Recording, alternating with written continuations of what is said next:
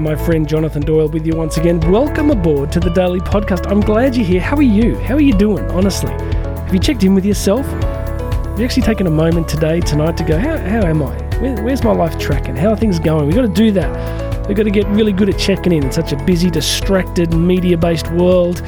He says, ironically, while you're listening to him on a, on a media platform. But um, I hope you're doing okay. I'm glad you're here because I really hope that I can bring you something useful today to take all that potential that's within you and help you take one more step to unleash it into the world.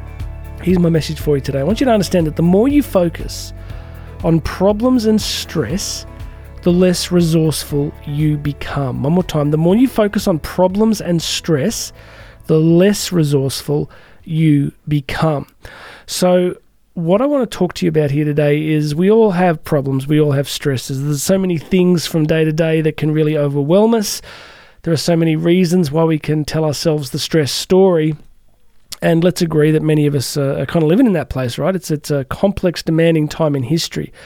But what we do know from extensive research is that relentlessly focusing on the problem, relentlessly focusing on the anxiety and the stress makes you less resourceful instead of more resourceful. So let's imagine that you have a problem. I'm sure you do. I'm sure you've got, if it's not in your own life, it'll be your kids or your parents or your friends' parents or, you, you know, it'll be you have a problem somewhere, right? There's something you can point to and go, that is a problem. That is an area of life where I'd like things to be different. I'd like things to be better.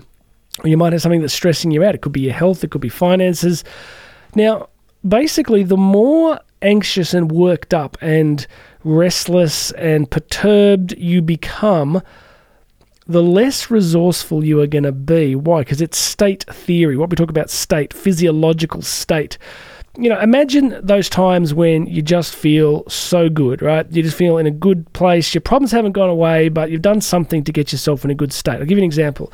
So, often here where I live, you know, as regular listeners know, I do a huge amount of training. So I'll be up at 4 a.m., I'll be on the bike at 5, and it's cold here at the moment. You go out, you do two hours really hard with a bunch of guys you have a coffee with your friends afterwards, you come home, you have the world's longest hot shower, you might have something to eat, and then I feel like amazing, right? For that, I get this, I just feel so absolutely jacked. I feel so good. My problems haven't gone anywhere. The theoretical stress in my life hasn't gone anywhere, but I've placed myself in the optimal physiological state to go ahead and address those problems. And look, the research on this stuff is clear. You can do fMRI scans, functional magnetic resonance imaging scans, you can do PET scans, and you actually see how the brain is operating under different physiological states. I mean, you know this, right? When you are what's life like when you're tired, you're exhausted, you haven't eaten, and someone's bugging you, or one of your, you know, someone you live with is just like in your grill, and you're just like you're likely to snap, right? You're likely to you just get angry and you make things worse because you're not in a resourceful state. So, if you want to become better at problem solutions, if you want to dial down the stress, then you begin to take the focus off them a little bit. You begin to take, okay, look, the issues are there, but relentlessly freaking myself out by drilling down day after day to the problem. Firstly, you're not doing a lot of life, right? You're not you're not actually living a lot of life because you're obviously bogged down in the fear state related to this problem. Now, I'm not minimizing what you're going through. Definitely not minimizing what you're going through, but you would be amazed. I said this yesterday. People survive the most extraordinary things as a species, we are just outrageously resilient. We manage to adapt and overcome in ways that surprise us.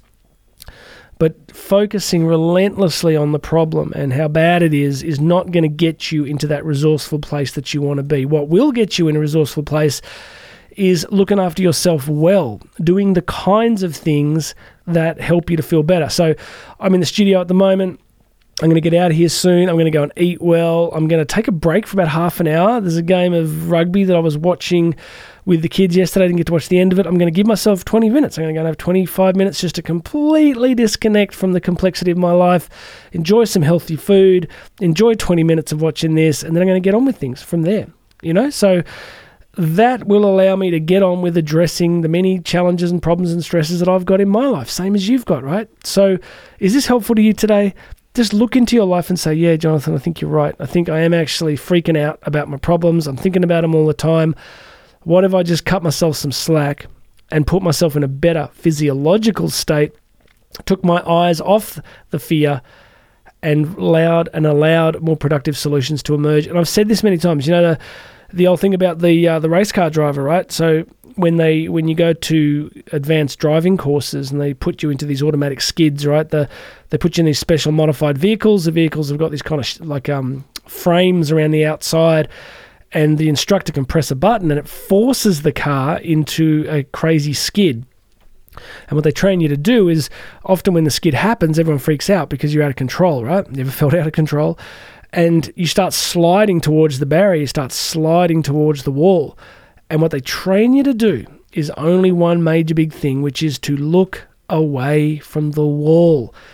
Because when we're sliding out of control, what do most of us tend to do? Imagine you're in a vehicle and you've lost control and it's icy or it's wet and you're sliding towards something. What do we all tend to do? It's natural, isn't it? We stare at the object, we stare at the thing we think we're going to hit. And surprisingly, it actually moves us towards it. Whereas the counterintuitive approach is to look away from the crash zone, look away from the problem, look away from the threat, and look towards something else. Pick a different point of, you know, focus and focus there, and you'll find yourself coming out of the spin. All right, is that helpful to you? I really hope it is. I hope that you're realizing that this relentless fear based stuff that's understandable at this moment in history, it really is. There's so much coming at us. But let's get look after ourselves. Let's get our let's get our bodies right. Let's get our health right. Let's give ourselves cut ourselves some slack. Enjoy our life a little bit. You're always going to have the problems. And as some of the most successful people in the world have told me, you know, the the, the outcome of success is you just get a better quality of problem. You know, we all think that if we win the lottery or we do something here or this happens, then we'll be happy. Then there'll be no problems. Not going to happen. All you're going to have problems until the end. And then for some of us, death's going to feel like a problem too. How do I get out of this? Well, you don't. you don't. You're going to have to deal with that one too. And that can be dealt with, and that can be dealt with graciously and beautifully. So problems are with you, friends. They've been there since you since you were very little. They're going to be there till the end. We don't have to focus on them. We don't have to let them steal our joy, our love, our capacity. We just choose a different focus point. We get well, we get healthy, and we trust that we're going to be able to steer ourselves away from that world with a little help from the, from grace. God bless you, everybody. Please make sure you've subscribed. Check out the links if you want to book me live. My name's Jonathan Doyle. This has been the Daily Podcast. You and I are going to talk again tomorrow.